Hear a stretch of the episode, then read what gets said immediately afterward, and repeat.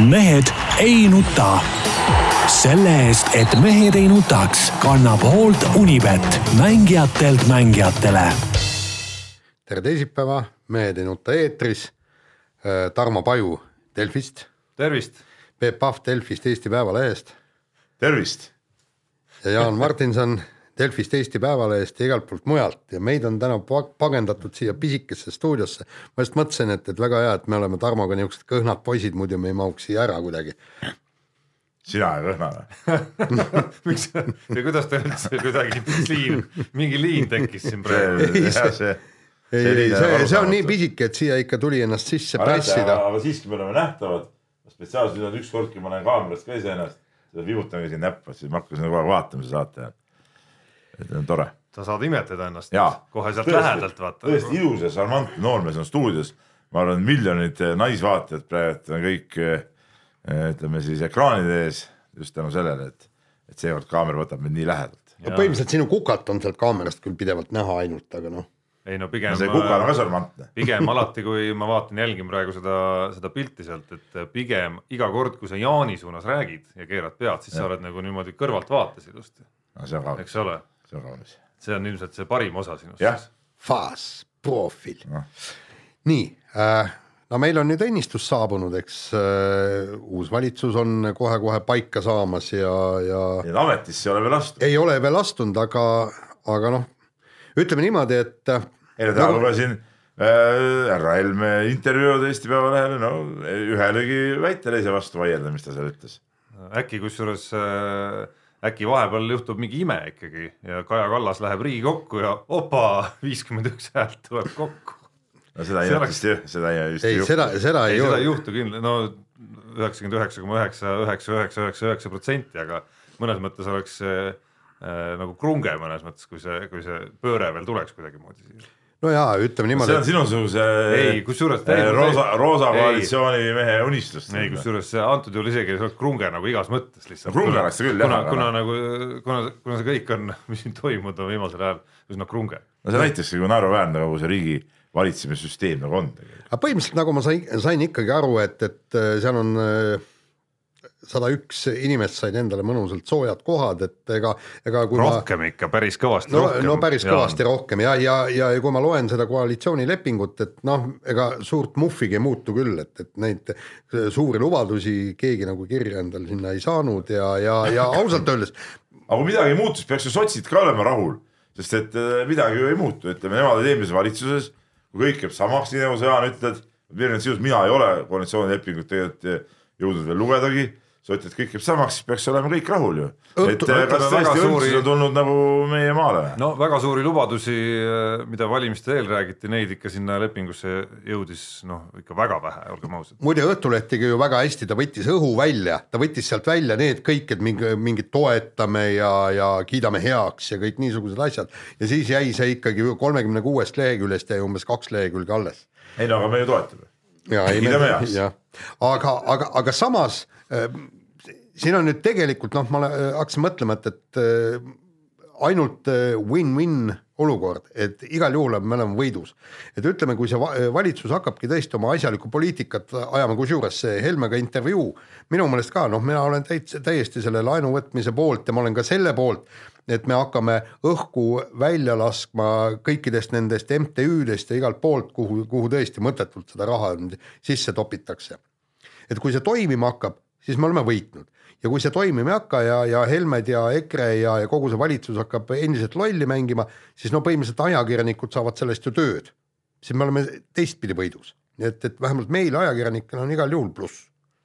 kiidame heaks Jaani sõnavõttu, toetame ka seda ühtlasi, aga me, ma, ma tahaks öelda tegelikult, et või tahtsid ei, poliitika ma tahtsin ainult nii palju öelda, et et äh, hoolimata sellest, et, et minu hääl justkui ei ole seal esindatud selles valitsuses, ma ei tahaks äh, kuidagimoodi selle hüsteeriaga nagu kaasa minna, et noh, las siis ütleme täiesti nii-öelda puhtalt reeglite järgi on saadud kokku.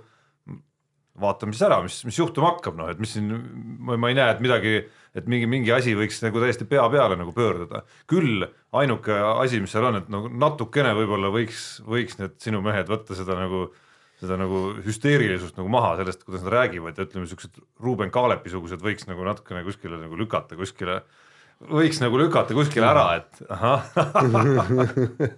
et see Okei. on nagu ainus osa seal, mul mul on tunne, et nad ei taha seda teha, ega nad, nad ei kavatsegi seda teha, aga noh, mis seal ikka, elame üle siis. Ruuben Kaalepist ma ei oska midagi arvata, ei, ei no Peep, ma tean, ma tean siiski, et sisimas isegi sina ei ole tema fänn. ei, ma räägin, ma ei oska sellest midagi arvata, et ma ei aga noh, ka, ka need, ka need, kelle fänn. sa oled, võiks öelda, et kuule poisike, võta nüüd nagu, käitu nüüd aga natuke. tegelikult ma tahaks nüüd poliitika pealt, enne kui me läheme päris spordi peale, korraks nagu jutu kõrvale viia ja soovitan kõigil lugeda tänast Eesti Päevalehte ja, ja LK kaks, kolm arvamuslugu, mis nagu paljastab selle, millest ma olen rääkinud tegelikult eh, korduvalt, et see jutt mingisugusest eh, tööjõupuudusest on mingi paras umbluu tegelikult ja, ja, ja see kogu see jutt tugineb sellele, et tahetakse saada tööle sisuliselt eh, tasuta inimesi või, või tuuaksegi sealt Ukrainast neid inimesi, kes on nõus viie euro eest siin tööd tegema ja töölepingut ja midagi ei nõua. Et tegelikult, kui normaalne Eesti inimene otsib tööd, siis ta seda tööd sugugi kergelt ei leia, ma tean siukseid inimesi küll, kes on otsinud ja, ja kes on olnud hädas sellega. Ja, ja see on noh, see ei ole nagu tegelikult uudis, aga seda millegipärast kogu aeg jäeti mulje ja, ja, ja siin minu arust ka meedia võiks natuke endale tuhka pähe raputada, et meedia ei olnud ka seda selle õige nurga alt nagu kajastanud siiamaani. et nagu oleks mingi õudne aplaav, et inimesi poleks võtta, tegelikult on paljudel inimestel mure hoopis tööle saamisega. Ja siin ei, jutt ei käi äh, mingisugust, ma ei tea, ministrikohast, vaid äh, täiesti tavalisest äh, madalapalgalisest tööst. Peep, see on nii ja naa, ma olen täiesti sinuga nõus, see, see oli tõesti väga hea lugu, lugesin ka ja kõik, eks, aga, aga mul on üks äh, tuttav töövahendusfirmas. Ja, ja, ja tema räägib jällegi, et enamasti on küll noortega on, on see probleem, et, et, et nad tulevad-lähevad, eks, et nad ei, nad ei püsi tihtipuhku paigal, nad ei ole töö, tööga rahul ja kõik edasi-edasi, eks, et, et, et et on ka te, teised probleemid, aga, aga seda, see on tõesti ja muide, EKRE ju tõstis selle probleemi nüüd taaskord üles.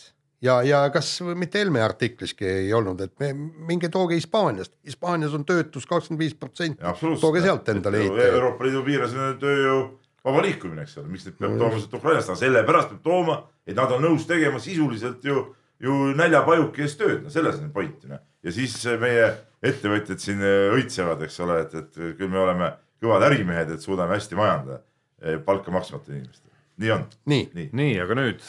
Nüüd lähme spordi juurde ja oh taevane arm, jälle vaatasin korvpalli ja jälle sain äh, parajas annuses stressi. Stressi?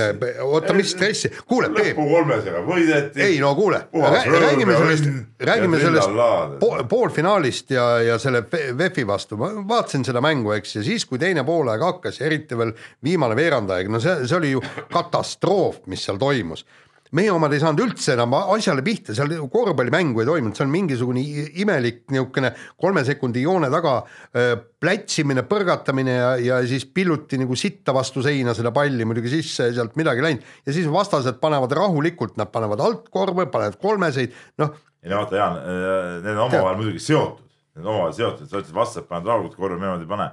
kõik hakkas pihta ikka sellest, et VEF teisel poolajal äh, tõmbas oma kaitse ju kolme sekundi ala ümbruses niimoodi kokku, et, et Kalev, kes sealt ennem äh, sai äh, päris palju punkte, eks ole, noh enam ei saanud punkte. Peep, aga taha, oota nüüd, sinna palliga nagu minna, siis nagu niimoodi tihedasse kaitsesse nagu ei mindud.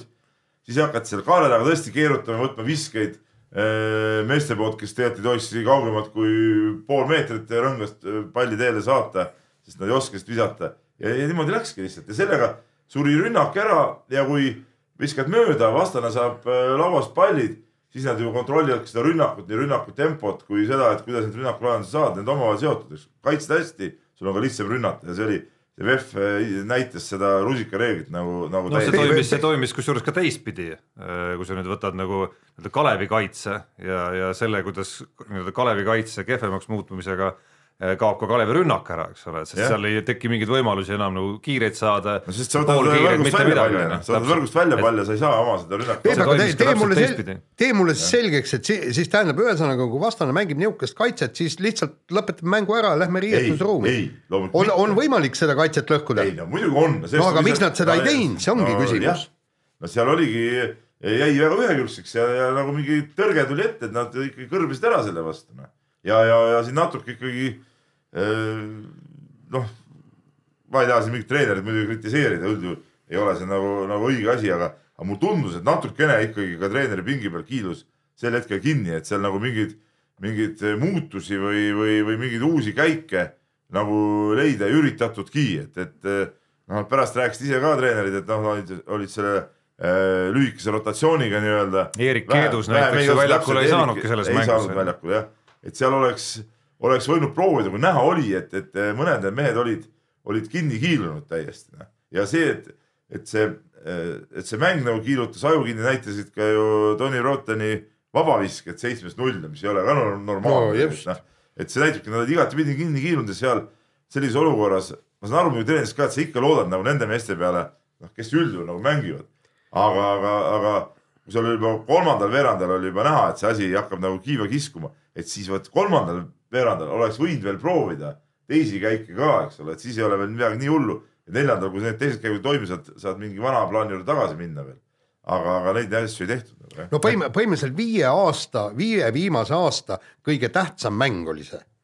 ma pak-, pakun välja, sellepärast et siin oli võimalik võita äh, Läti-Eesti ühisliiga, tulla esimeseks äh, võitjaks, see oli väga oluline mäng, eks. Ma nii ei julge päris öelda, selles mõttes, et äh, Kalevil on olnud kasvõi varasemas Balti liigas ju ütleme sarnase kaaluga kohtumisi tegelikult. no jah, noh, et igal hooajal on tulnud neid, neid faase ikkagi nagu ette, aga selgelt aga selgelt ja alati on kaotatud. Ja ka selgelt, kui me räägime nüüd nagu käesolevast hooajast, siis Kalevil sellise koosseisuga ja komplekteeritusega, nagu neil on, saab olla kaks eesmärki, üks on selle liiga äravõitmine, mida nüüd ei võidetud ja teine on VTB liigas play-off'i jõudmine, et see üks väga halb õhtu ikkagi nullis pool sellest igal juhul nagu ära, et Eesti liigast ja Eesti liiga võidust Kalevi puhul ei ole mõtet ju rääkida, et see on see on nagunii kindel. see on nagu nii kindel, et, et selles suhtes äh, arvestades seda, et ükski Eesti klubi pole kunagi äh, võitnud sellist äh, kas Balti liiga või noh, nüüd on see Eesti-Läti liiga formaadis turniiri, siis see oleks olnud igal juhul oluline ja märgiline, et ükskordki suudame seda teha, aga, aga nüüd ka ei suudetud ja seda ei saa öelda, et see on et see on täitsa nagu ükskõik. et see ei ole nagu, nagu ma ütlen nii, et minu pärast saagu siin Estikatel mõned mängud tappa, see on täitsa ükskõik, mitte midagi sellest ei juhtu. aga, aga vot selle liiga nad oleks pidanud äh, võitma. seda enam, et äh, Kalev Cramo sai ikkagi ju nagu nii-öelda kõik eeldused olid loodud nii selle koosseisu osas, selle osas, kuidas sel hooajal on tegelikult äh, ju suhteliselt hästi mängitud, kuni krooniks siis äh, kodune turniir, kodune Final Four. et ma kujutan ette, et äh, kuigi ütleme poolfinaalis minu silma järgi seda nii-öelda rahvast oli võib-olla ikkagi vähe võitu, siis ma kujutan ette, et laupäeval oleks päris korraliku peo suutnud võib-olla finaalmäng püsti panna tegelikult Saku Suurhallis. no vähe võitu tegelikult ei olnud minu arust isegi rohkem, ma arvasin ausalt öeldes. no minu ootus oli kuidagi kõrgem, et, et ma, ma olen käinud Kalev Allis, võib-olla see Kalev Alli tunne jaa, petab aga natukene Kalev ära. Alli mahub nii vähe rahvast sellepärast see et, petabki et ära. Kalev Allis on ikkagi niivõrd VTB liiga mängudel sellel hooajal tihti, et kui sa lähed sinna viisteist minutit enne avaviljet kohale, siis koha leidmisega on ikkagi hoolimata otsatribüünidest suhteliselt keeruline juba. ma usun, et täna ka näiteks Kaasel Unixi vastu tuleb ka rahvast äh, rohkem isegi, sest et noh, see on, tegemist on no, tipptasemel täiesti meeskonnaga. ilm on ka paha, ütleme, ei ole nii nii kena, kui oli siin reede-laupäeval võib-olla, et, et, et miks ka mitte. no aga, nii, mehed, aga ütleme, see, see tunne, mis mulle, mis mulle endale sealt küljejoone tagant jäi valdama ikkagi lisaks sellele, mis sa Peep kirjeldasid siin, see nii-öelda taktikaline pool, oli muidugi taaskord selline nagu noh, Kalevi liidermängijate selline mingisugune nagu vaimne nõrkus või nende ilmingud ikkagi seal. et, et see algas kõik pihta juba esimesel poolajal, kui kõik justkui läks nagu väga ludinal, see, see mäng, mida armastavad Lewis ja Roten eelkõige siis mängida, selline nagu teravuse loomine ja korvi alla jõudmine ja see kuidagi õnnestus neil kogu aeg. kolm äh, Kalevi mustanahalist olid kõik ju poolajaks vähemalt kümme punkti juba kokku toonud ja selle ja, ja selle suhteliselt kuidagi nagu isegi liiga lihtsalt saabunud edu tuules hakkas seal juba mingisugune nägude tegemine, mingisugune nagu mingi kehakeel, mis kuidagi ei olnud nagu üldse, ei ole nagu võitvale meeskonnale kohane üldse. ehk siis liiga vara rõõmustamine ja kõik see nagu ette ja siis, kui teisel poolel tekkisid raskusid siis me nägime, kuidas vabavisked visati järjest mööda, et see sisemine enesekindlus tegelikult ei ole üldse nagu sellel tasemel, eks. Kuidas hakkasid tekkima valed otsused sellest hoolimata, et vastane kaitse mängis spetsiaalselt selle peale, et kuule, Tony poiss, et võta ja viska neid viskeid, kui sa tahad, sa nagunii ei oska, on ju. viskad viiest võib-olla ühe sisse sealt kuskilt eh, viie, viielt meetrilt või kaugemalt. selle, sellest hoolimata ikka võttis neid, kusjuures võttis ka Ogre mängu, kolmanda koha mängu jah. eh, Kalevi Eel- eelviimasel rünnakul ikka võttis selle, nagu ikka ei olnud nagu tegelikult õppinud siin ja, ja, ja sinna krooniks veel Kalevi selle hooaja liider Multri, kes no kujutad sa Peep ette, kui sinu satsis mingi vend, kes on nagu kõige tähtsam mees üldse.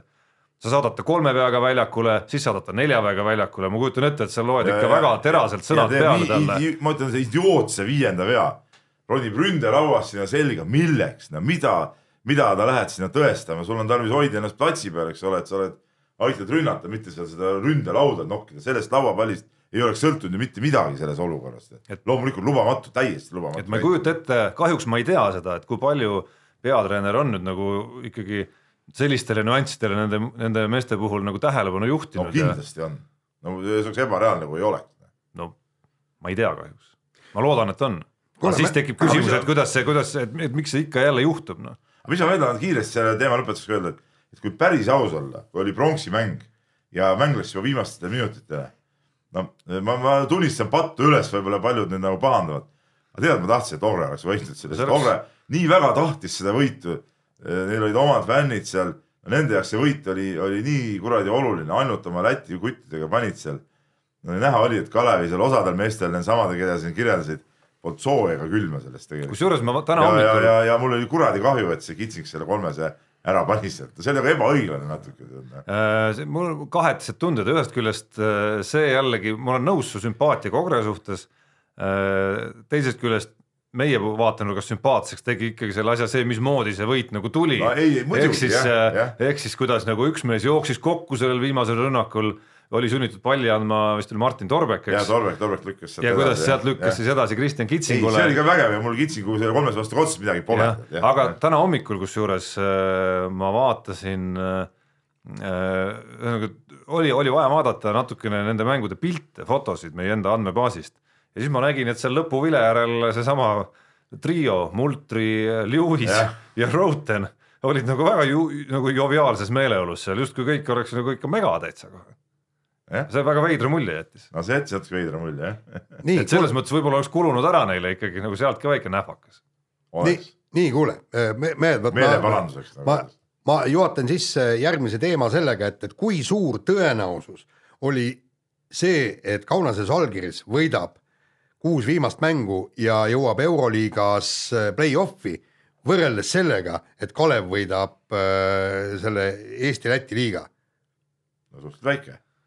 No ikka kõvasti väiksem. no aga Ilmselgelt, tegid ära, aga ilmselgelt. tegid ära, miks nemad et Kalev suudavad Cramol oli kaks mängu vaja võita, millest ta ütleme, eeldusel, et poolfinaali oleks võitnud, finaalis noh, ütleme siis halvimal juhul fifty-fifty mängud, eks ole, enam-vähem võrdsete vastastega, noh mis mis teebki selleks koefitsiendiks, mis oli meie eripanus ka neli koma null on ju, et Žalgiris see kuue võidu tõenäosus oli ikka, ikka kõvasti-kõvasti väiksem. no ja mehed, mehed nüüd rääkige, selgitage, kuidas Salgiris seda suudab.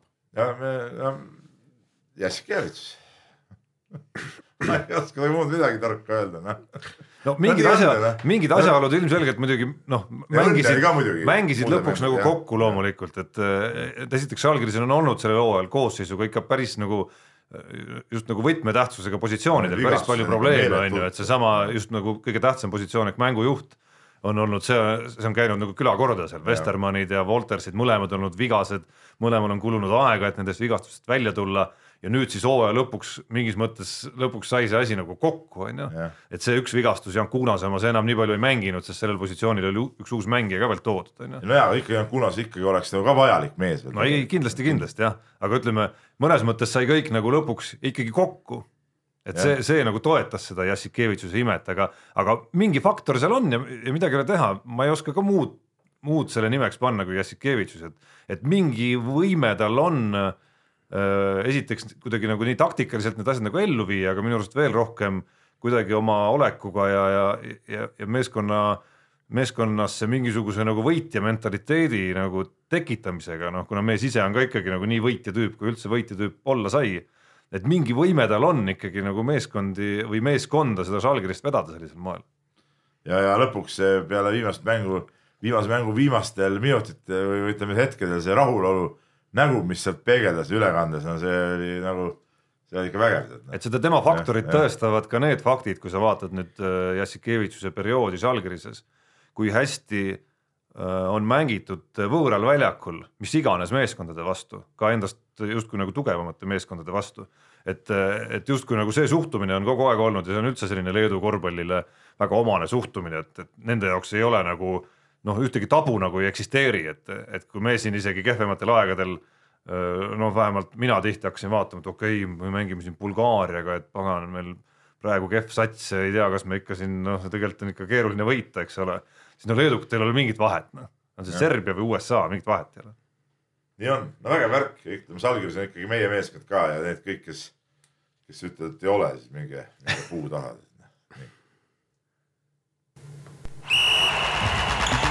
Unibetis saab tasuta vaadata aastas enam kui viiekümne tuhande mängu otseülekannet. seda isegi mobiilis ja tahvelarvutis. Unibet, mängijatelt mängijatele. jätkame saadet kiire vahemänguga ja kui Žalgiris on meie meeskond, siis kuivõrd nüüd Eesti hokikoondis on meie meeskond, kui hakatakse sinna vaikselt ükshaaval tooma sisse rootslasi. Nüüd on äh, ka kaks rootslast ja, ja mind natukene häiris see, et, et kuidas seda protsessi kirjeldati, et hakati läbi kammima kõiki neid äh, nii-öelda Rootsi ja ma ei tea, isegi mindi Kanadasse, Ameerikasse, et, et kes võiks olla Eesti päritolu. Ja, ja siis hakati kutsuma neid mehi siis Eesti koondisse äh,, et, et tulge ja, ja aidake meid. no minu arust on täielik jama, tähendab, ma ei saa seda kuidagi heaks kiita, jah seal võivad ju Eesti ütleme juured kuskil esi, esivanemate kaudu olla, aga aga, aga Eestiga mingit otsest sidet, ma saan aru, nendel meestel ei ole, eesti keelt nad minu teada ka ei räägi. loodan, ma ei tee nüüd liiga kellelegi, aga, aga noh, natuke on see saalihokikoondise eh, sarnane, eks ole, kus ka toodi neid Rootsi, Rootsi vendi, kellel ei olnud nagu seda noh, Eesti värki nagu ei ole, noh no, oleme siis natuke kehvem, me ei pea vägisi otsima nüüd mingisugust, ma ei tea, no me saaks lõpuks Rootsist tuua ju no omal ajal see äh, Aker Loob ja kes need olid, need kõvad, kõvad mängumehed, eks ole, noh, ma ei tea, suusatajad võiks seal Kläbo siis tuua ka, eks ole, Eesti alla suusatama Norrast, eks ole, ta oli ka ju mingi vanaisa siin kuskil. Otepääl, et noh, see on jama, noh, et, et need asjad nii ei peaks nagu käima ja, ja, ja, ja, ja kodus, ma saan aru, kodus MM-turniire tahetakse vägevat tulemust ja aga kõik on tore, aga teeme siis nende meestega, kes on nagu olemas. vaata, vaata, seal on nüüd kaks vahet, et üks on see, et, et sa lähed ja tuhnid ja otsid ja kaevad, kellel võiks olla Eesti juured. teine oli, meil oli kunagi aastaid-aastaid tagasi oli golfikoondises oli ka rootslased, esiteks olid, olid äh, niisugused vanemad, äh, vanemad härrasmehed, äh, kes mängisid väga tublit ja tragilt, nemad rääkisid puhtalt eesti keelt, kõik seal ei olnud mingit probleemi, aga siis ongi ühe mehe poeg näiteks, ta, ta andis kohe, andis teada, tema tahab esindada Eesti koondist. Ja, ja noh, ta ei mõelnudki sellele, et, et kas, kas nüüd hakata Rootsi koondist esindama või Eestit, ei, ta ütles, ma tahan Eesti koondit, koondist, sellepärast et siin on mu juured kõik. Ja, ja kui niisugune vend tuleb, vot seal on juba teised nüansid natukene. see on teine asi muidugi. et noh, see meenutab natukene sellist äh, äh, ma ei mäleta, mis, mis turniiri raames see jutuks tuli, aga Armeenia korvpallis vist tehti mingil hetkel üsna, üsna sarnane reha tehti nagu ära ja noh, kujutad ette armeenlasi maailma pealt leiab ka ikka omajagu, eks. ja, ja, ja leiti ja. ka loomulikult päris omajagu kohe üles, et noh, seal ei pea nagu nii, nii-öelda nimede äratundmiseks ei pea ka nagu väga palju vaeva nägema, et see hakkab kohe ju silma väga selgelt, et. Et noh, aga noh, ongi kahetsed tunded, ühest küljest mulle tundub see nagu noh, natukene õigem värbamistöö kui, kui võib-olla see, mis, mis toimub kuskil siin aladel ja päris paljudel aladel, kus ikka reaalselt makstakse noh, täiesti võõrastele raha lihtsalt, et nad tuleksid, on ju, et selles see tundub õigem. teisest küljest jah, palju mõnusam oleks, kui, kui see toimuks nii, nagu Jaan kirjeldab, et need mehed oleks otsinud meid ise üles. kuulge, ma tahaks väga nagu minna. mehed võiks muidugi näidata, ma räägin veel kord, et mehed võiks nagu näidata oma Eesti meelsust ja Eesti sooviga sellega, et nad tulevadki ja on puhtad Eesti mehed, noh. mille pärast ma kahtlen Äh, vahetame teemat. Äh, Nõmme Kalju, Eesti valitsev jalgpallimeister, on alustanud äh, koduse liiga hooaega päris kesiselt, viiest kohtumisest on võidetud seni vaid kaks, kaks kaotust ja üks viik on ka sealjuures veel. ja klubi juht Kuno Tehva ei ole siis seni tahtnud mingisuguseid radikaalsemaid muudatusi ette võtta koosseisu või, või peatreeneri kangutamise mõttes ja on siis öelnud, et, et käitume nii, nagu Mike Tyson omal ajal ütles. Kõigil on plaan selle olukorrani, kus saad vastu hambaid ja sinna vist käis juurde ka see, et, et nii-öelda tugevust näitab pigem see, et kuidas siis püsti tõustakse, kui see, kuidas siis alla antakse no filosoofiliselt tegelikult väga, väga õige asi, eks me paneme kõik ükstapuha, mida me teeme, eks me paneme endal pa plaani paika, eks, ja tõesti, see plaan on nii kaugele, kui me saame vastu hambaid ja mis kõige hullem on, on see, on see, et, et kui sa oled vastu hambaid äh, saanud, siis sa hakkad sellest plaanist endiselt kinni pidama ja jätkad, see on, me oleme näinud ka pallimänguvõist, võistkondade juures mäng, mäng, mänguplaan, mänguplaan ei toimi, aga ikkagi jätkatakse täpselt samal moel ja, ja ja sinu elus on ka täpselt sama, samad asjad, et, et noh, et seda, kuidas see praktikas õnnestub, sest äh, kuidagi palju ja minu arust ei olegi keegi nagu väga suutnud äh, meedias, isegi jalgpalliajakirjanikud lahti seletada, et mis asi see seal on, peatreener vihjas mingitele äh, probleemidele, millest ta ei taha rääkida ja nii edasi ja nii edasi ja see on kõik jäänud kuidagi nagu kalevi alla natukene, et tahaks, tahaks natuke rohkem teada, et, et näis, kuidas see siis õnnestub, aga paralleeli tuues noh, see on ju tegelikult see, mida see nii-öelda Tysoni võrdlus on ju see, mida Kalev Cramo ja Donaldas Kairis oleks võinud suuta teisel poolel Riia VEF-i vastu teha, eks. et tulid siis esimesed laksud endale ka sisse ära, et noh, mis nüüd siis?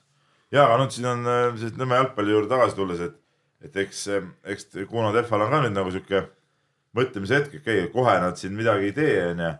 aga sa lõputult ei saa lasta ka see vankri allamäge minna, et kui ma arvan, et siin piisab veel ühest-kahest ebaõnnestumisest, kui, kui ikkagi tuleb hakata muudatusi tegema, et noh. no hetkel on kaheksa punkti juba Florast ja, ja, ja Levadiast. noh, see kaheksa pole palju, pole palju, sest nad mängivad ikkagi tohutu hulga mänge. jaa, võitnud teadupärast kolm punkti, see on juba rohkem kui kahe kaks võitu enam. Noh. no jaa, aga, aga, aga samas või, võida, või võidad kolm mängu sellesama Flora vastu ja oledki juba ühega ees, eks, nii et. no Jaani silmis on üldse asjad. Jaani silmis on kõik lihtne, nii, aga äh, lihtne on tallinlastele äh,, lihtsaks on tehtud õigemini tallinlastele ka siis äh, Ott Tänaku äh, ralliautoga kihutamisest osa saamine, et on siis neljapäeval toimub äh, Ott Tänaku äh, filmi esilinastus ja sõidab siis Ott ja, ja Martin Järveoja selle esilinastusele WRC autoga läbi Tallinna, nad hakkavad siis sealt Peetra külast tulema, kus on Toyota rallitiimi baas ja,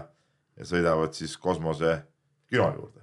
no minu meelest on äh, ääretult lahe ja, ja noh, ma ei saa öelda, et edev sündmus, aga, aga, aga kuidagi särav sündmus, sellepärast et, et äh, ma tahaks kindlasti kõike seda näha, kuigi okei okay,, ma olen äh, Lätis, aga oleks olnud Eestis, ma oleks lihtsalt seda vaatama läinud, see on ikka äge, see, ma ei tea, noh, kui paljud inimesed, enamus Eesti inimesi on muidugi neid ralliautosid näinud, aga noh, see kogu see hääl ja, ja kiirendus ja, ja kõik see, see. politsei, ma saan aru, et politsei eskort on sinna ette isegi organiseeritud. ei, aga ta peabki olema, sellepärast et ralliautoga ei tohi tavaliikluses sõita väljaspool võistlust, muideks. kui sul on punane numbrimärk. jah niisama, ütleme tavaolukorras jah et see marsruut saab olema vist, kui ma nüüd õigesti mäletan, saab olema selline, mis keerab siis Tartu maanteelt äh, Järvevana teele, eks. ja käib sealt nii-öelda Tammsaare teekandist ja, ja tuleb sealt Pärnu maanteele siis. sinna jääb tee peale vist äh, ühe Ott Tänaku, see kus Sky, Sky raadio, Sky pluss ja, ja, ja, ja Isku ja see koht on, sealt keeratakse vist Pärnu maanteele, et siis kosmose juurde jõuda. ehk siis äh, seal on iseenesest marsruut on selline, kus Järvevana teel õnnestuks võib-olla natukene häält ka teha. jah, jah, aga noh, jah, huvitav, palju ja, inimesi seda vaatama läheb nagu tee äärde. ja, ja siis ma olen täiesti kindel, et, et seal on kindlasti lei-, leidub seal Järvevana teel mõni politseinik, kes kuskil põõsas passib ja, selle kiiruse. mõõdab kiirust, ka mitte. aga noh, tore, film tuleb ja soovitan, äh, ilma et ma veel oleks seda filmi näinud. Äh, homme on äh, ajakirjanike esilinastus ja neljapäeval on siis päris suur esilinastus et, et soovitan kõigil vaatama minna, et nii palju, kui ma tean, see peaks olema tõesti väga, väga vinge film. no ta näeb juba välja ja kõlab väga haruldane film selles mõttes, et äh, sinna on ju äh, ressurssi pandud ikka pretsedenditult no, palju, et seda, et seda võimalust on seal olnud, ma ei tea, kas see peatoetaja on Toyota eelkõige siis olnud või, või kes? ei, peatoetaja see... on ikkagi paljuski olnud see filmi produtsent ise ehk et, et, et väga erandlikult äh, ja luksuslikult, noh, luksuslikult mitte halvustavas mõttes, aga on saadud teha seda tegelikult ju pikka aega. et juba sellepärast see võib väga kihvt olla. ja kusjuures treilereid vaadates, üksikud äh, momendid, mis sealt on tulnud, et ma võin küll öelda, et, et äh, see, see film on tõesti selles mõttes erakordne, et, et Ott Tänak ikka laseb endale väga ligi ja, ja sealt näeb näeb seda, mida tavapäraselt ikkagi rallisõitjate juures ei näe ja isegi meie, meie Peebuga, kes me oleme mööda rallisid äh, tiirutanud, ka meile on seal väga-väga palju uut ja huvitavat. sellepärast, et Tänak ei ole see mees, kes endale väga ligi laseks ajakirjanik samas ega me ei saa kunagi vist teada, et kui palju meil nägemata jääb yeah.. et yeah. eilegi Ringvaate saates olid selle filmi kaks tegijat külas ja kui Marko Reikop küsis, et et kui palju siis ütleme, Ott ise seal nii-öelda no ütleme peenelt andis tagasisidet, et mis seal filmis võiks sees olla ja mis mitte, siis need filmi tegijad ikkagi laveerisid mööda sellest küsimusest seal. nii, aga võtame järgmise teema ja vot mina olen nii-öelda korvpalli tagasihoidlik fänn, kes vaatab üht ja teist ja kolmandat Eesti koondise mänge ja, ja kõike nüüd selgub, et, et meil on mingisugune Eesti korvpallurite pesa Hispaaniasse tekkinud, tuleb keegi Robert Valge, kes mängib äh, Hispaania kõrgliigas kenasti platsil. ma rõhutaks ja... mitte keegi Robert Valge, vaid Robert Valge, kes on mänginud ei, teatud hooaegadel Keila korvpallikooli võistkonnas et see on minu jaoks on ta keegi. siis, kui mina olin abitreener Märt Germani kõrval, nii et noh eks siit need asjad pihta hakkavad ja Hispaaniasse lõpuks välja jõuavad. aga, aga, aga tehke mulle, tutvustage natukene, on no. see, on see mängumees, on tal tulevikku no,? kes ta on üldse? hästi huvitav. Poeg. jah, hästi huvitava käiguga noormees tegelikult, eks ta on ju meistriliigas mänginud ka ja, ja täitsa kenasti aastate eest. Äh, jõudis Pärnu, Pärnus mängida, eks, just. meid, kusjuures Keilast ta läkski Pärnusse. just, ehk et äh, tegemist on siis noore mängumehega, kakskümmend üks on tal vanust kes on ajanud nagu noh, ikka üsna oma, oma teed ja oma vagu tegelikult, et et äh, ei ole ta väga palju siin viimastel aastatel nagu sattunud kuidagi meie silma alla isegi, on ta jäänud eemale siin äh, igasugu noortekoondiste ja asjade tegemistest. on ajanud seda oma liini seal, on olnud seal mul, ma võin eksida seal, kas Hispaania neljandas või vist, vist tugevuselt neljandas liigas peamiselt on see mäng seal äh, temal toimunud justkui nagu pealtnäha tundub, et, et ühel hetkel noh, võiks sellest neljanda liiga noh, kuskile peaks nagu mingi sammu nagu edasi tegema, et nüüd, nüüd see huvitav osa ongi selle juures, et nüüd, nüüd ta tõesti sai ka selle klubi esindusmeeskonnas siis kaks minutit äh, siin hooaja lõpupoole mängida. pingil on istunud varem seal juba. pingil on istunud, treeningutel on osalenud ka varem, et kas see nüüd tähendab midagi tõsisemat või ei tähenda, selles on see võtmeküsimus ikkagi. ma olen ise imestanud näiteks äh, selle, ütleme viimase aasta jooksul Äh, kus siin on justkui koondise vaatenurk, Eesti koondise vaatenurgast räägitud sellisest äh, noorenduskuurist ja sellest, et teda ei ole kuidagimoodi nagu noh, nagu ta ei ole nagu üldse pildil olnud, et isegi, isegi nagu mingit kutsepoega ei ole ka tema poole läinud veel aga teele ikkagi. see on jälle, kuna ta ongi, äh, ta on natuke sellest pildist nagu üldisest pildist nagu väljas olnud ja, ja paraku ei ole nagu väga palju meil tähelepanu pööratud siukestele meestele, tegelikult selliseid Äh, noori vendi on ju veel meil ju äh, seal välis, välismaal, keda, kelle käekäigust me nagu väga palju eriti võib-olla nii palju ei teagi, et me küll kajastame kogu aeg siin jah, Kullamäe tegi seda, Trell tegi seda seal, aga tegelikult on seal Itaalias näiteski on ju, on ju veel neid kutte. võtame selle Erkmaa, seal on üks Kirill Koršunov, kaks tuhat aasta poiss üle kahe meetri, eks ole. Nad ju mängivad ka seal, no vahest siit-sealt midagi tilgub läbi, eks ole.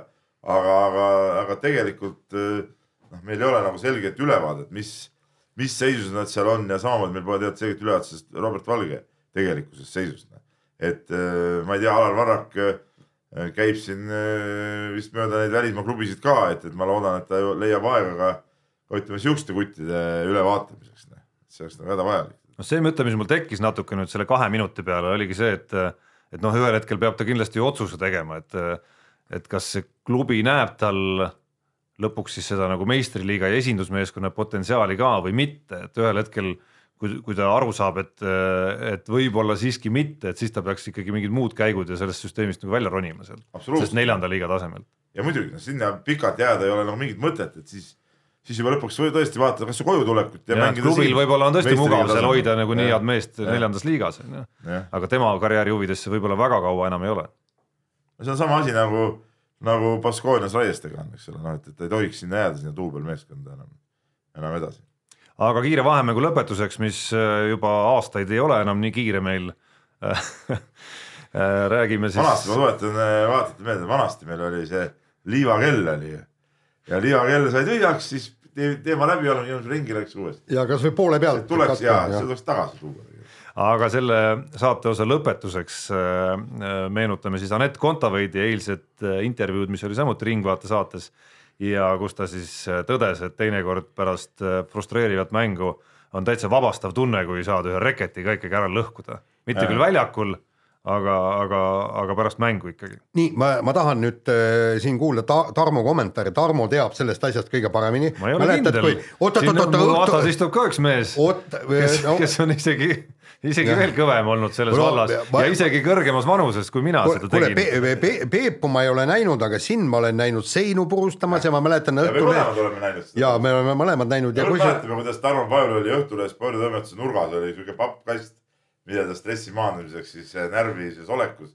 Tarmo muuseas noore mehena oli väga närviline, praegu ta on kordades, ma ütlen kümnetes kordades rahulikum. no praegu Vanasti, ma võin, ma võin öelda, et see äh, oli küll nii jah. praegu tegelikult. tagus jalgadega seda kasti seal. ja kusjuures ta tagus sellele kastile augu sisse ju ja seina lõi ta ka katki. ei, seina ei löönud mina katki, aga pappkasti, ei, see ei olnud minu käte. sealt ma ei tea, mis te ise jagelesite seal kord viskas üksteist kohvitassiga ja kord peksis teine seina, et see, selle, see otsustage omavahel ära. aga pappkasti lõhkumine väga keeruline muidugi aga, ei olnud. aga vabastas see siis? vot ma üritangi mõelda praegu, kas see vabastas, et tõepoolest oli selline periood, inimesed tänapäeval, täna ei usu muidugi üldse, et, et siin üldse kuskil on mingisugune närvilisus peidus. oli aga ma ei mäleta, kas see nagu vabastas vabastas, natuke, natuke ikka vabastas. ma võin tuua nagu näite. vabastas lähi, küll. lähiminevikust, võib-olla kuu-paar tagasi mul oli üks teise liiga kohtumine ja see asjad ei sujunud nagu nii nagu, nii nagu pidid sujuma ja siis, siis kohtunikud ka vilistasid mingisuguse absurdse vea. ja siis mul, mul tekkis selline tunne, et, et ma pean midagi tegema, muidu ma lihtsalt panen kellelegi vastu pead, eks ole. siis ma, mäng toimus Keila seal tervisekeskuses ja ma läksin sinna sealt sihuke keerdtrepp alla riietusruumide juurde. ma läksin nagu oma pingi ees korraks astusin kaks sammu sinna kõrvale, seal on sihuke plastmass prügikast võtsin selle, viskasin sealt trepist alla, põmaki tead noh. siis läksin tagasi ja tundsin, et nii, nüüd võib jätkata. ja kõik toimis. jah, samas, samas ma. ma mõtlesin muidugi, et keegi ei näinud seda, pärast poisid, kes platsi peal olid, ütleme need, kes pingi peal istusid, nende oli nagu selja taga, nemad ei teinud midagi aga poisid ütlesid platsi pealt, kui nad hakati vabaviskeid viskama, et nemad nagu nägid seda muidugi otse. vaatasin, kuidas ma läksin sinna prügikasti ja põmaki sealt alla saada. samas ma pean ütlema näiteks eelmise aasta, eelmise golfi aasta näitel, et mõnes mõttes on muutunud veel vabastavamaks see, kui sa ilma nagu mürgeldamata saad sellest kuidagimoodi nagu, saad sellest nagu frustratsioonist nagu lahti. aga sa oled golf, golfikeppi niimoodi põlve peal eh, O-täheks murdnud või? ma seda ei ole teinud, küll aga eelmisest hooajast eh, on mul üks võistlus meeles, mille tulemusena see sõrm on siiamaani natukene haige, kuna ma vihahoos äh, suutsin kuidagi nagu putteri seda nii-öelda muffi visates lüüa oma sõrme ära vastu golfikäru endale ja minust on siiamaani valus veel, kusjuures me võitsime selle võistluse lõpuks. Aga üksa... algus oli lihtsalt nii frustreeriv. eelmine suvi mul oli discgolfi mängisime po pojaga koos ja, ja mul muidugi kuskil läks vastu puud see ketas ja ja, ja ma olin juba ennem seal paar korda seal ja ma, mina lähen muidugi, mul see süütmine on hästi lühike, eks ole. siis ma võtsin vihaga selle, selle ketta ja mõtlesin, saadan selle, kus kurat, eks ole. Ja võtsin täie jõuga, viskasin, viskasin nii kõvasti, viskasin endal jalad alt ära, kukkusin selili maha ja siis lõpuks ajas mind ennast nagu naerma ja võttis nagu pinged maha. ja see ketas muidugi ei läinud kuskile, ma viskasin järjekordselt vastu kõige lähemad puud, et jääma selle ketta vastu pead ei saanud, mis tagasi põrkas. no mul igatahes pärast seda, seda juhtumit eelmisel aastal oli hetk, kus ma otsustasin, et äh, hooaja lõpuni golfiväljakul Äh, ühtegi ebasündsat sõna minu suust ei tule ja põhimõtteliselt ma suutsin seda tegelikult äh, ka täita. mina, minul need otsused ei, ma võin otsustada igast asju siin, aga, aga see, see. ei, aga arvesta. kontrollmehhanism on nagu ei, ei, ei toimi. kusjuures vägisõnad rahustavad ja vägisõnad annavad võimu, sellepärast nad ongi eesti keeles vägisõnad. ma olen muuseas seoses treeneritööga käinud ka psühholoogiakoolitusel, aga täitsa Eestis tipptasemel nende, seal nad küll mingid õpetavad sulle mingisugust tehnikaid ja mingeid asju ja mis mul on seal, mingi jama, no kus mul on aega seal mingi tehnika peale mõtelda, tead, no siis tuleb ikka kõik nii nagu tuleb sealt välja ja sellest tehnikast pole abi midagi. nii.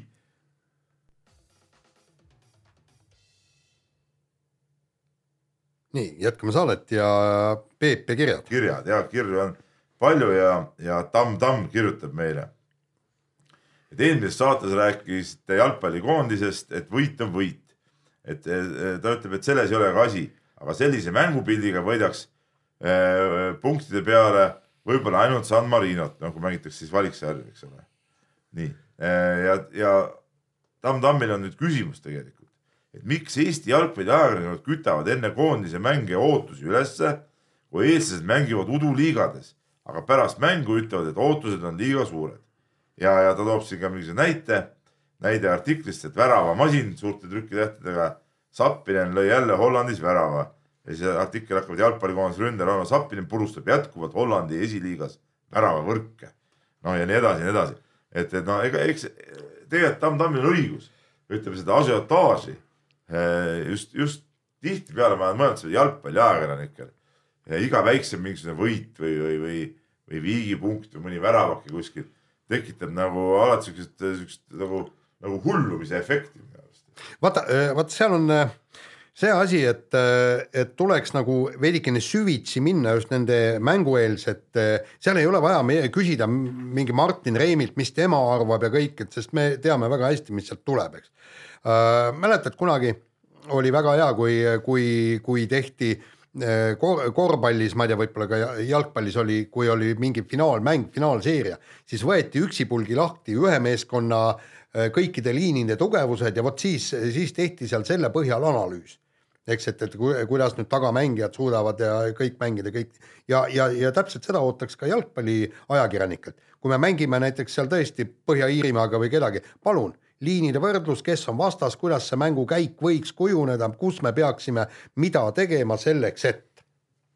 ja, siukest hurraa hurraa mentaliteeti on just jalgpalliajakirjanike hulgas mm., kõige rohkem, seda ma olen aastate jooksul nagu, nagu tähele pannud. ja väga lihtne on ju. noh, samas ma ütlen, et äh, eks seda nii-öelda suhteliselt suures pildis suhteliselt väikeste äh, nii-öelda kordaminekute äh, pealkirjadeks vormumine ei, ei ole ainult jalgpalli ma ei räägi ainult pealkirjadest, ma räägin ei no ma mõtlen, ma mõtlen nuppudeks ja kõigeks selleks, isegi mitte sellest, mis see käib Eesti spordis, see käibki Eesti spordis üsna lihtsalt. vaid, vaid ka ütleme nüüd ajakirjanike endi nagu juttudes ja selles, et, et kuidagi see, see mingisugune vaimustus mingisugusest tühjast tähjast on tihtipeale nagu, nagu liiga suur. no ei tea, mulle tundub jällegi, et eh, nüüd just praegu eh, kuna ütleme pärast seda hetke, kus meil oli see nii-öelda nagu noh, viimase aja see nagu kuldne meeskond, eks ole, see, mis jõudis äh, play-off'i ja võitis Põhja-Iirimaad ja siis kaotas Iirimaale.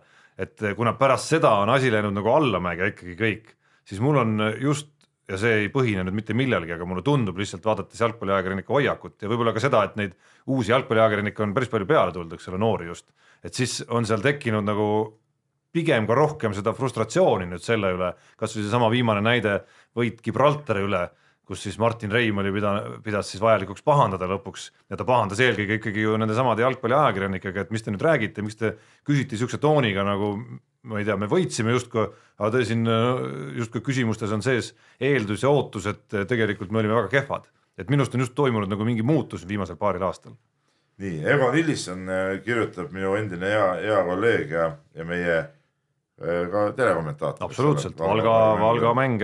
aga Postimehes töötasime koos, oleme vana kirjamees, sihuke väga meeleolukas tegelane.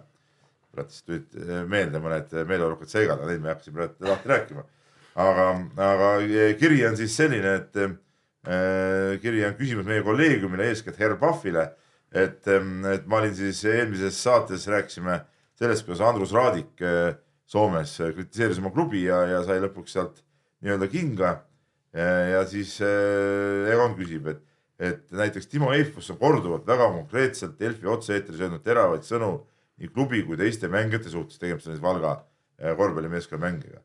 et enamasti on see saanud auditooriumilt positiivse tagasiside ning kiidetakse mehe ausust ja üldine arvamus paistab olevat, et sellised väljaütlemised on õigustatud.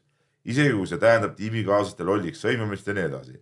kus kohas see piir siis jookseb või oleks pidanud Valga meeskond või kelle iganes mängija nii käituks, tegema konkreetsed vastukäigud, nagu Raadiku puhul tehti. no siin ta toob siin mõned näited, pannud siin mõned lingid, ma mäletan küll neid intervjuusid ka. no ma mäletan, et, et kui ma nägin neid pealkirju või neid intervjuusid, siis pööritasin ma tegelikult üsna sarnasel moel silmi nagu, nagu Raadiku lauseid lugedes, et äh, tundus küll selline asi, millega olles meeskonna juht või, või nagu juht kui selline, eks ole, oleks vaja minna mehe juurde öelda, kuule et see nüüd küll okei okay ei ole. ma ütlen ka niimoodi, et, et, jah, et eh, võib-olla tagasiside positiivne, eks ole, ütleme tavavaatajatelt ja fännidelt, see kõik on tore.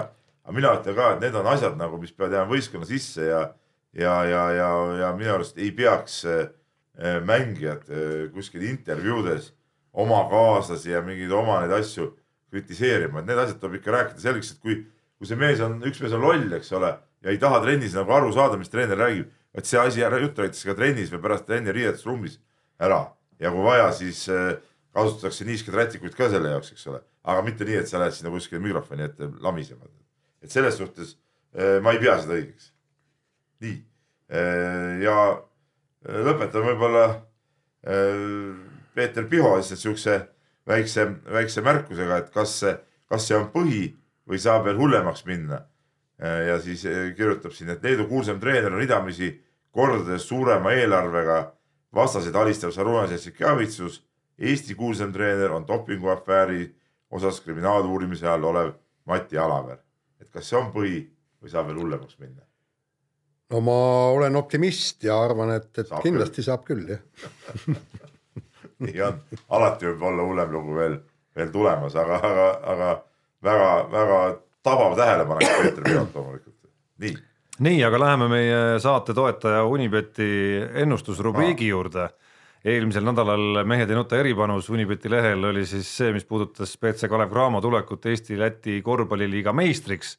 pean tunnistama, et äh, nii nagu saates äh, ka põhjendasin, läksin ja panin selle panuse ära ja loomulikult noh, saate alguses oli juttu, kuidas sellega läks siis.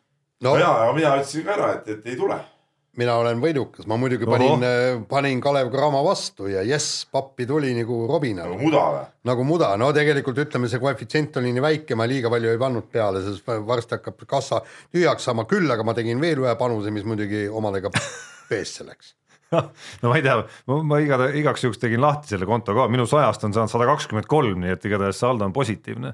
ma kahtlustan, kahtlustan, et ma juhin hetkel. mul on ka positiivne.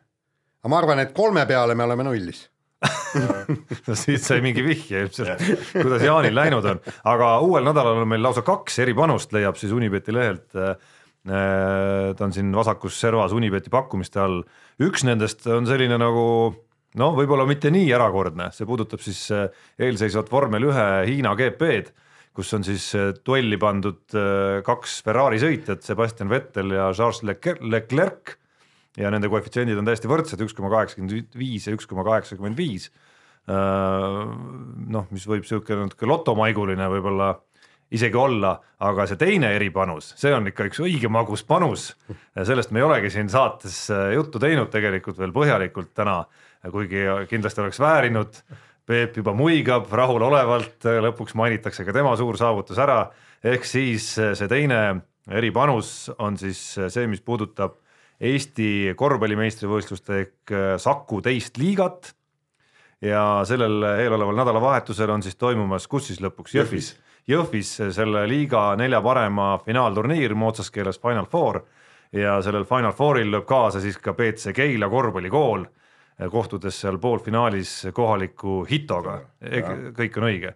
teises poolfinaalis on vastamisi siis Rae ja kuulus Kadrina, Kadrina Karud ja, ja see panus. Rae Koss tahtsid sa ütelda. ja Rae Koss just ja, ja see eripanus siis äh, puudutab Keila võimalusi ehk Peebu meeskonna võimalusi võita see liiga ära.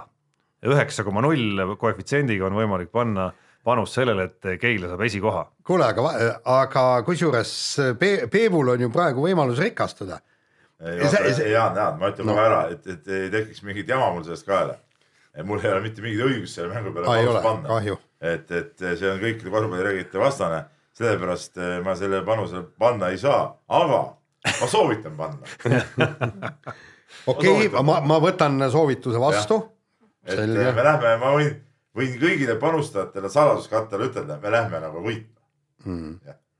nii, aga, aga mis siis. kuigi meil on probleeme, aga me lähme võitma. tahad sa täpsustada äkki neid probleeme? ei see ei puutu asjasse. no kuidas see, ei, me peame ikka see, tegelikult ei ole aus meie kuulajate suhtes, Peep, kui me ikka jätame lahti rääkimata selle.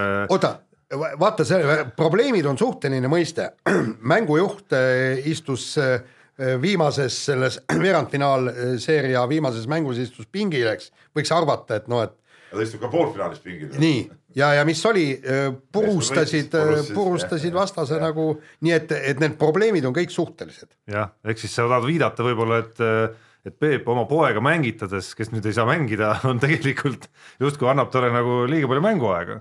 ei no ma ei tea, aga igal juhul pingile istutama tegelikult poisi Ei no- no,. mänguaja liiga palju seal ei saa keegi, selles suhtes meil on nagu väga hea võistkond, et mul on kuus tagamängijat ja põhimõtteliselt ma selle mänguajaga olen jaganud seal tegelikult läbi hooaja suhteliselt ühtlaselt. nii, aga see on nagu Madridi Real, vaata seal ka tulevad need, et iga mees paneb oma selle seti teeb ilusti ära ja siis jälle tuleb teine mees. nii ja kiirelt ütlen selle Leclerc'i ja Vetteli kohta, et minu meelest on seal kõige tähtsam küsimus, mida ütleb Ferrari. ma arvan, et sa ei ütle midagi. Äh, no ei tea midagi, see kahes sõidus järjest on, on tegelikult vi, viimases sõidus ju nagu oli, Leclerc'ile öeldi kaks ringi oota, vend läks ja pühkis, pühkis kõik mööda, siin me ei tea, mida Fe- Ferrari bossid kavatsevad teha, aga igal juhul ma eelistaks, kui ütleme niimoodi, et, et mingit kokkumängu seal ei ole, siis Leclerc'i on see puhas minu enda. Vettel on läbi aastasegi, mul pole kunagi meeldinud, vinguviiul nagu, no aga sõita ta oskas sõita taskus. mingi ajani vähemalt. Ja mingi ajani, ei, seda, seda ei saa öelda, muidugi oskas. nii, tundub, et Leclerc ka oskab, tundub ka. ja mitte halvasti. mitte halvasti. nii, nüüd meil on jälle vähe aega, aga mitu teemat. no pane kohe edasi. paneme kohe edasi. aasta tahtsid pane, ei pane ikka muusikat ka.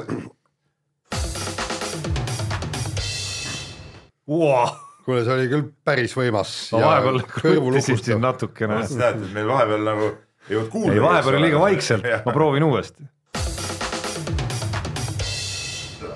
selge. nüüd läks paremaks. nii, saate viimane osa, siin on meil kolm teemat, peaks saates tooma mingi meeleolumuusika, mingi nurga ka, et iga kord keegi valib mingi siukse nagu, nagu oma mingi, mingi loo. oota, ma ei ole kindel, et ma seda tahan, sest et see tähendab, et ka Peep hakkab oma valikuid siin saate eetrisse saama. Jaani puhul ma vähemalt tean, et tal on hea muusikamaitse. mul on veel parem. ei, sul ei ole, Peep, hea muusikamaitse. mul on hea maitse. Äh, vaata kunagi oli, oota, mis see oli, kui need töörahvas sai esitada soovikontserte Soovikontsert,, soovikontsert, jah, täpselt. et sa võid raadiosse helistada siiamaani ja tellida neid lugusid. jah, jah, aga meie saates jah, nii äh,. nagu selgub, on tõendeid, et äh, meie kuulus suusatreener Mati Alaver on äh, väga seotud selle äh, aus- äh, Saksamaa dopinguarstiga ja, ja väidetavalt ongi tema siis kindral, kellest, kellest räägiti, kas, kas on nii päris? ja mul on väga hea meel selles suhtes, et ma Nõukogude armees teenides nägin ühte kindralit eh, tõepoolest ka, aga natuke eemalt niimoodi ja mul ei olnud au teda tunda ja, ja või tema mind võib-olla ei märganudki. aga nüüd ma sain teada, et ma olen ikkagi juba pikki-pikki aastaid äh,, siis aastakümneid juba tundnud ikkagi ka ikkagi kindralit, jah, kuigi mis su auaste on? reamees. reamees kõiges, sa oled isegi saanud olen- rääkida ja kindraliga. kindral on mulle isegi ise helistanud ja rääkinud minuga kuule, Peep, noh, ja mina olen saanud talle helistada ja rääkida ja mis saab olla võimsam. sina oled Jefreitor, jaa, ma tean. Ja- ja põhimõtteliselt- Jefreitor on kõige suurem, no ma ei saa öelda J-tähega sõna, aga noh, kõige suurem tont, eks ole, okei Mm. okay,, ütleme eesti keeles. Et Jefreitor ei saa üldse midagi rääkida. aga isegi tema on saanud Aga kindral, kindraliga ei, suhelda. aga, aga see, see Jefreitori, meil oli kunagi, me tegime äh, sõjaväes ja see üks pael. ja üks. pael, et Jefreitori jõmm oli kunagi ka siuke asi olemas. raamat, lasteraamatust, te, tegime äh, sõjaväes, tegime Lenini tuba, tegime jube vinge Lenin, mina olin siis ainult abimees, ulatasin värvipotskasid ja naelu, nüüd ta ütleb, et ta oli abimees, eks ole, tegelikult seal oli ideoloogiline, et, et paneme nüüd siia selle loosungi, vaatame, et äh, härra Ilitš oleks siin nii kena, Peep. hiiglaslaulsid laulu Suur Lenin, nii hoolitsev, aus ja, ja hea, eks ja eks ja, ja meie, meile öeldi, teete Lenini tu- toas remondi, teete korda, saate puhkusele.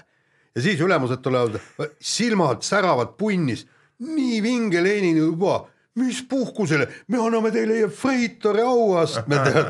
me olime nii kuradi pettunud sellest, et no nii, aga tõsiselt Jaa. rääkides, noh, mis seal salata, noh, väga ootaks, millal, millal need, millal need infokillud nagu päriselt jõuavad reaalselt siis kuskile nii-öelda uurimistoimiku kujule ja, ja mingite materjalide kujul hakatakse neid lahkama ka siis päriselt no, kohtusaalis. no teades, kui kaua kõik need veskid jäävad jahvatavad, siis ilmselt läheb sellega veel aega, aga, aga aga ega siin noh, ega midagi polegi öelda, noh et, et tuleb välja ikkagi, et äh, nii-öelda äh, me, Mati Alaver on siiski nagu kriminaal sisuliselt. no see tuleb välja lõplikult siis, kui ta on kohtus ka süüdi mõistetud, aga see debatt, mis on nagu huvitavam võib-olla ja mille üle on siin viimastel nädalatel, viimasel paaril nädalal olnud juttu ju ju omajagu, on ikkagi see, et kas siis Eesti peaks ka oma seadustega midagi ette võtma või mitte. ehk siis kas äh, dopingu tarvitamist peaks krimi-, kriminaliseerima või mitte ja väga palju on neid hääli, mis ütlevad äh, ja mulle tundub natukene nagu veider on kuulata neid isegi, et see on ikkagi nagu liiga tühine äh, süütegu, et seda peaks kriminaliseerima. ma ei tea, kas dopingu tarvitamist peab kriminaliseerima, see selles suhtes, et noh, et see on nagu valemängurlus, noh, see võib-olla tõesti ei pea olema kriminaliseeritud, küll aga kõik Äh, peaks olema rangete karistustega kõik see, mis seal ümber on, siis kõik see vahendamine, äh, käitlemine, kõik, kõik, kõik, kõik need asjad, eks ole et need peaks olema kindlasti ja. väga rangelt kriminaalselt karistatud. ja aga vaata, siin on üks probleem on see. ma ei tea, kuidas selle Mati Alaveriga tõesti läheb, aga, aga juhul, kui ta tõesti öö, äh, on nii-öelda kindral ja kõik ja pluss siis need meie suusatajad, kes Seefeldis vahele jäid, nemad, kõik see protsess sai toimuda ainult sellepärast, et au, Austrias on doping kriminaliseeritud. Ja mind isegi ei häiri see, ma, ma, ma ei taha kindlasti, et meie suusatajaid vangi pandaks. Sellest täitsa piisab, et nad saavad dopingukaristuse, aga kui sul ei ole see kriminaliseeritud, siis me ei saa seda uurida. Ja, ja muide si. ei, aga sa saad, kui kõik see käitlemine, vahendamine, kõik see on kriminaliseeritud. ei no lõpuks, lõpuks ja, sa siiski, ei, aga lõpuks sa siiski võtad nii-öelda need äh, nii-öelda tarvitamise eest saadavate võimalike karistuste äh, hirmus suusatajate abiga võtad sagi lõpuks ju kinni need nii-öelda tegelikult pahad, need no jah, kindralid ja, ja kõik ja. need muud tegelinskid seal, kolonelid ja nii edasi, on ju. polkovnik Veerpalu. vaata, vaata siin, siin ta peaks olema niimoodi, et isegi ärge kriminaliseerige, aga ma ei tea, kas see on võimalik seadusega, andke äh, võimalus äh, Eesti antidopingul äh, paluda abi politseinikelt. ehk siis pealt kuulata, arvuteid uurida, jälgimistegevust teostada ja, ja vajadusel ka uksi maha murda, sellepärast et dopingukontroll samal ajal, kui meie poisid seal verd vahetasid, ta oleks tõesti saanud ainult ukse peale koputada, palun laske sisse ja need vennad irvitavad sulle, et midagi ei lase, aga politsei lihtsalt lõi ukse maha ja oli seal. oligi mees süstal veenis, eks. just täpselt. et mind teistpidi ka natukene nagu häirib see, et seda peetakse nagu nii noh, nagu et, et mis see siis on, et see on nagu täpselt, ma ei tea, sama, mis mingisugune nagu vea näitlemine kuskil palliplatsil päris seesama et, et, et, et minu arust see kaal on nagu suurem ikkagi, et kui sa mõtled äh, kõige selle nagu suuremale mõjule kasvõi nagu ühiskonnas, sellele samale, et võib-olla on äh, võib-olla on neid, kelle karjäärid on tuksi läinud sellepärast, et äh, mingi osa sportlastest on valemängurid, võib-olla on neid, kes äh, jätavad üldse nagu sportlasteele nagu minemata, kuna nende vanemad näevad näiteks, laste vanemad näiteks, mis, mis tegelikult nagu, kui räpane see asi seal on, et need mõjud on ju tegelikult palju laiemad, kuni selleni välja, et mingil hulgal sportlastel äh, Äh, jääb ju reaalselt, ma ei tea, võidud saamata, nende teenistus jääb saamata ja nii edasi ja nii edasi. et need mõjud on ikkagi nagu ikkagi piisavalt laiad minu arust, et seda võtta tõsisemalt. et see ei ole nii tühine arust. selles suhtes ma olen muidugi nõus jah. aga loodame jah, et see asi, et see lugu ei jää niimoodi poolripakile, nagu need eelmised lood on jäänud, vaid see tõesti nüüd seekord kistakse ikkagi just uurimisorganite poolt, kuna nüüd uurimisorganid on mängus, ikka täitsa kildudeks lahti ja, ja seal ei jää kivi kivi peale Äh, kiirelt äh, suskame siia vahele ja hüppame siin vahepeal kergejõustikumanu ehk siis äh, kevad on ja oli siin nädalavahetusel ka meie ilma järgi juba päris käes. ja. ma tegin laupäeval grilli isegi. no vot ja ma käisin nädalavahetusel golfi mängimas kaks korda. veel halvem. väga hea oli. mäng oleks nüüd paremini läinud, aga see selleks. Eesti kergejõustiklased astusid üles ja, ja selle krooniks oli Tiirek Nurme Äh, rekord jooksis äh, maratonirajal kaks kolmteist nelikümmend ja kõva, kõva rekordi parandus. ei no tubli no, aga, aga sealt mis sa Jaan vaatasid, mitmes ta oleks olnud? ta, ta oli eelmisel aastal selle ajaga oli Märt Roosna, meie noor reporter vaatas, ta oli mingi neljasaja kuuekümnes maailma edetabelis. nii et, et, et see aeg ei ole teab mis ikkagi, ütleme niimoodi, et, et Loskutovi Eesti rekordile oleks vaja lähemale tulla, mis on äh, kaks null kaheksa ja kopikaid ja. jah, viis minutit ikka minna ja, ja ütleme, teine kergejõustiku välgatus olid siis äh, meie kümnevõistlejad, kes tegid esimese välgatust otseselt nagu ei olnud. varakevadise väikese ja. sutsaka siis ookeani taga ja Karl-Robert Saluri oli seal siis kaheksa tuhande kuuekümne punktiga meie parim. mis ei ole tänapäeval tegelikult ka enam mitte mingisugune tulemus, noh, ütleme okei okay,, kaheksa tuhat on see nii-öelda nagu öeldakse, kümnevõistleja maagiline piir, aga aga, aga ütleme, see suures pildis ei ole see kaheksa tuhat kuuskümmend muidugi selle tulemusega pole mitte midagi peale hakata. aga kusjuures rõõmustav on see, et, et kergejõustik hakkab pihta jälle. vaikselt.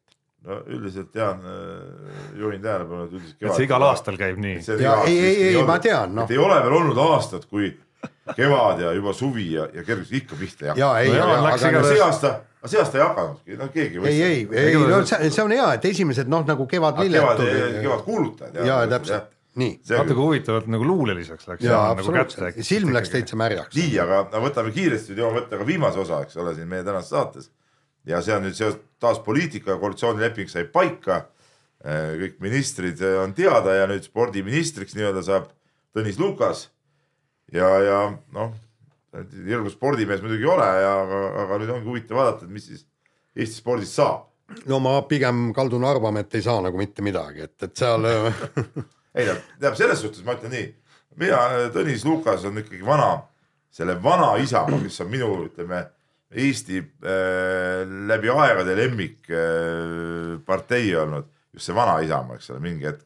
Äh, selle esindaja, et selles suhtes äh, mul ei ole paha sõna nagu ütelda. jah, aga mulle tundub, et äh, ütleme rohkem kui Tõnis Lukasest on põhjust meil rääkida nagu, et mis saab edasi kontekstis sellest, et, et mis siis Et selles uues koalitsioonilepingus nagu., mis selles nüüd spordi kohta kirja sai olgem ausad, see on üks, üks neid kohti, mille ma olen rida-realt sellest koalitsioonilepingust läbi lugenud, see on mul siin äh, juba päevi siin ühes, ühes tääbis nagu lahti, et vaikselt nokin seda.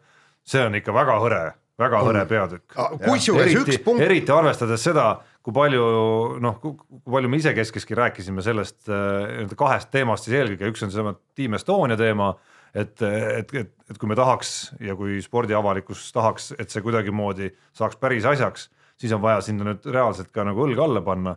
Ja teine on siis see, millest nad ise rääkisid siin, kuigi ma nagu mõttena seda väga ei toetanud, et miks oli vaja just jalgpallihallidele ja, ja jalgpalliväljakutele sellist äh, nagu teiste aladega võrreldes ebaproportsionaalset tähelepanu panna koalitsiooni läbirääkimistel. seal ju räägiti kaks tundi lausa Islandi mudelist ja ma ei tea millest, siis ega sellest ei ole nüüd ühtegi, ühtegi tähemärki ei ole jõudnud sinna. kusjuures aga üks punkt, see, mis puudutab seda invasporti, on sul see lahti, ei ole? et, et seal nad pidid selle invaspordi üksuse öö, looma ja kõik, et see on minu meelest hea. väga, väga hea ja väga positiivne, sest kui me vaatame, kui jõuline on see invasport meil lähiriikides, näiteks Soomes on ju, kas isegi valiti Soome parimaks sportlaseks üks ratastooli nii-öelda öö, jooksja ja, ja, ja eks ja, ja kõik, et tegelikult ja kui vaadata, kui palju, kui palju seal on olümpiamängudel neid äh, neid sportlasi riikidel ja kui palju nad võidavad medaleid, siis ütleme niimoodi, meil on see asi ikka väga kesiseks jäänud ja tõesti inimesed, kes Need, kes oma puuetega suudavad siin elus olla ja e, elus püsida, nad on hingelt ju tegelikult väga tugevad ja väga öö, jõulised ja nüüd tuleks neid aidata, et nad öö, saaksid teha ka sporti ja maailmas läbi lüüa. ja no eks siis, eks siis jutt käib punktist äh, loome riikliku invaspordi toetusprogrammi ja noh, ma seda lauset lõpuni päris ei ja, ja loe. võtame, vaatame nüüd nagu tippsporti või mis meid võib-olla kõige rohkem huvitab alati. et eh, siis on küsimus ikka see Team Estonias. ma, ma ütlen sulle vahele, enne kui sa jätkad, et kuidas see sõnastus Team Estonia kohta on selles äh, koalitsioonilepingus. et tsitaat algab, peame oluliseks jätkata Eesti Olümpiakomitee programmi Team Estonia, jätkata. ja hea, et seda maha ei tõmmatud. ei, ma olen selle, osaga, ma olen ka tutvunud, et ma. Ja ma ei mõtle, et sa ei ole tutvunud, lihtsalt, et kuulajate aga jaoks., aga ja, aga no ongi see, mis, mis see tähendab. mind huvitab, mis see tähendab, mis jätkata, kas me nüüd äh, leiame raha sinna juurde, kas me saame selle päriselt käima või, või ta jääbki nii-öelda nagu, noh nagu see, see aasta on sihuke nii-öelda sümboolne Team Estonia või, mis siis nagu saama hakkab nagu, no selles on nagu see Team Estonia vajab kümme kuni kakskümmend, miljonit. jah. Ja alla kümne miljoni ei tule sealt midagi aastas. ei no härra Helme täna ju päeval intervjuus ütles, et, et me saame nagu, peaks võtma laenu, et, et kas laenurahaga hakkame Team Estoniat üle. ei no, No ütleme ma-. Team, Team Estonia peale muidugi laenu. Ei no mulle tundub ka, et, et laenu võtmise all või laenu, laenu all mõeldakse hoopis teisi kulutusi. ei, ei muidugi, ma ei, ei mõeleks seda tõsiselt, et, et sinna. Õnneks, õnneks ma tahan öelda seda. aga, aga, aga jah, seda, et, et kuidas, kui palju, mismoodi. sama asi, see, kuidas see treenerite öö, toetuse värk kõik jätkub, noh jätkub või mis sealt nagu edasi saab, eks ole. Seal on ka progressi ju vaja, eks ole, noh, et, et kõik need asjad on ju lahti just nagu konkreetsemalt, et noh, see koalitsioonileping on siuke tore asi ja seda on tore uurida, aga see kõik nii üldsõnaline, seal ei ole mitte midagi. noh. nii, kaks tuhat kümme spordikongressil esinedes Tõnis Lukas haridusministrina ütles, et treenerid, kõik noortesport noortespordi aluseks on treener ja treener peab olema võrdsustatud koolipedagoogiga, ehk siis samad sotsiaalsed garantiid ja, ja palk nii no,, noormees või härrasmees on nüüd minister, palun tehku ära. Ja teine asi, mis ta ütles, et kindlasti tuleb taas luua spordikoolid. Ja, ja, ja ka see punkt, ma loodan, et need täidavad. Ja juba see oleks suur asi. Ütleme niimoodi, siis oleks juba see valitsus oma spordiülesande täitnud kui treenerid saavad õpetaja palka ja, ja spordikoolid taas loodaks. jaa, ei vot see spordikoolide teema, see on siuke kahe otsaga asi, et spordikoolid on ju olemas paljudes kohtades tegelikult. jaa, ei, aga, aga riiklikud spordikoolid oleks. pigem nagu, pigem nagu ma mõtlen, äh, peaks rohkem panustama võib-olla siukest a la nagu, nagu Lätis on need äh, olümpia äh, reservi ettevalmistuskeskused. spordiakadeemiad, jah. ei, nad ei ole akadeemiad otseselt, nad on, see ongi olümpiakeskused, eks ole mis on nagu siukestes väiksemates linnades ka näiteks Kulbenes, kus ma käisin viimati poistega mängimas, ka sealne see spordikompleks kuulub sellesse olümpia ettevalmistuskeskuste nimestusse, seal on äh, kõik, ütleme, seal on ööbimiskohad, seal on äh, spordibaasid, staadion, värgid, no ütleme, Ventspilsis, ütleme igal pool peavad need olema. no.... vaata, see on see riigi rahastatav värk, et sul on äh, need kohad olemas, kus nagu sporti teha.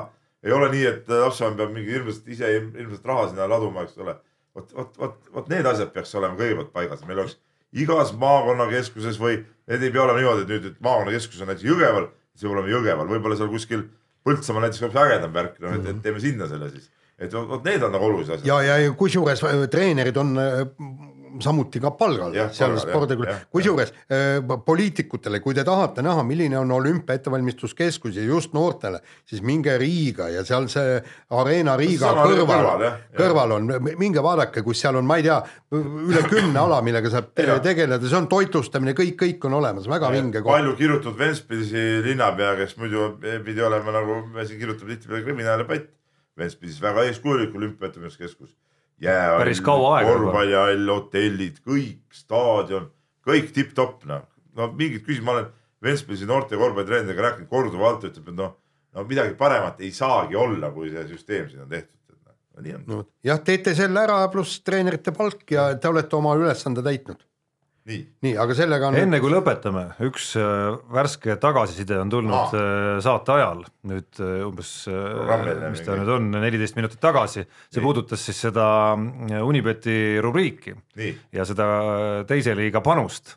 ehk siis on tulnud värske kas korvpalliliit on mind juba eemaldanud? ei, korvpalliliit ei ole sind eemaldanud, küll on kirjutanud meile üks kuulaja, kes küsib, et palju siis karude koefitsient on ja ütleb, et Peep on vist karu unes näinud, see on siis see teine karu, mitte suure tähega karu. kui ta ja. räägib siin liiga võitmise plaanist. ei, mis karu, noh, kuule, üks mäng, see on ju üks mäng, see on ju.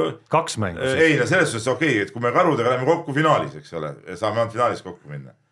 no kõike võib juhtuda ju, ma tean, seal on üks veteranmängija, kellel kõõlused on haiged kogu aeg, tema on nagunii kogu aeg mängust väljas, isegi kui saab platsi, ta on nii aeglane, eks ole noh, seal ei ole nagu mingit küsimust, endine Eesti koondislane. noh, seal on üks must mees, nägime ju siin Kalevi näite, kuidas mustad mehed ka ütleme, play-off'i pingele vastu ei pea. noh, ja mis seal polegi, seal Allan Ehte, no see on tubli maamees. temaga on raske muidugi, aga noh, kõik on võimalik, ei näe probleemi. ja kusjuures karud peavad ennem finaali saama. peavad finaali saama, nad kohtuvad Rae Kossuga ja see on ainuke võistkond, kelle nad see hooaeg on kaotanud ma pean, võin vastata ka sellele küsijale, kes on oma Äh, teate allkirjastanud nimega Vince Carter, kuigi tõsi, ma kahtlustan tegelikult, et tegemist, et tegemist on siiski ja, ja, ühe Kadrina karude ja, liikmega, kellel ilmselgelt viimastel aegadel, jah, kellel ilmselgelt on ka aega ülemäära palju viimastel ja. aegadel, nagu näha, kuulab äh, truult ka meie saadet kenasti otse. tervitame, mine trenni, mine trenni, proovi natuke joosta või midagi, noh, sa noh, ennast liikuma nädalavahetuseks. aga mine uju või vees. see on liigestele hea. vees jooksmine näiteks, väga hea liigestele Äh, ütleme kõva pinnase peal raske ühesõnaga see eripanus puudutab siiski ainult Keilat, aga on võimalik panna selle peale, et Keila ei võida, koefitsient on üks koma null neli. Peep, ei usuta teie satsi no,? ma ei tea, kes sina tegid koefitsienti? ei, mina mitte, selleks on spetsialistid. Need Unibeti omad ka, et ma, ma ei tahagi teid meie sponsoriks, sihukest koefitsienti mulle teete. nii, pange Keila peale, siis on kõik hästi kuule, varsti hakkab teine tund juba läbi saama. nii, sellega minge meelde seal ka, ei tule välja, vot nii ongi, ei tule välja. hakkas meeldima siis. jah, no meeldib. nii, sellega on saade lõppenud, kuulake mind nädala pärast. mehed ei nuta. saate tõi sinuni Unibet, mängijatelt mängijatele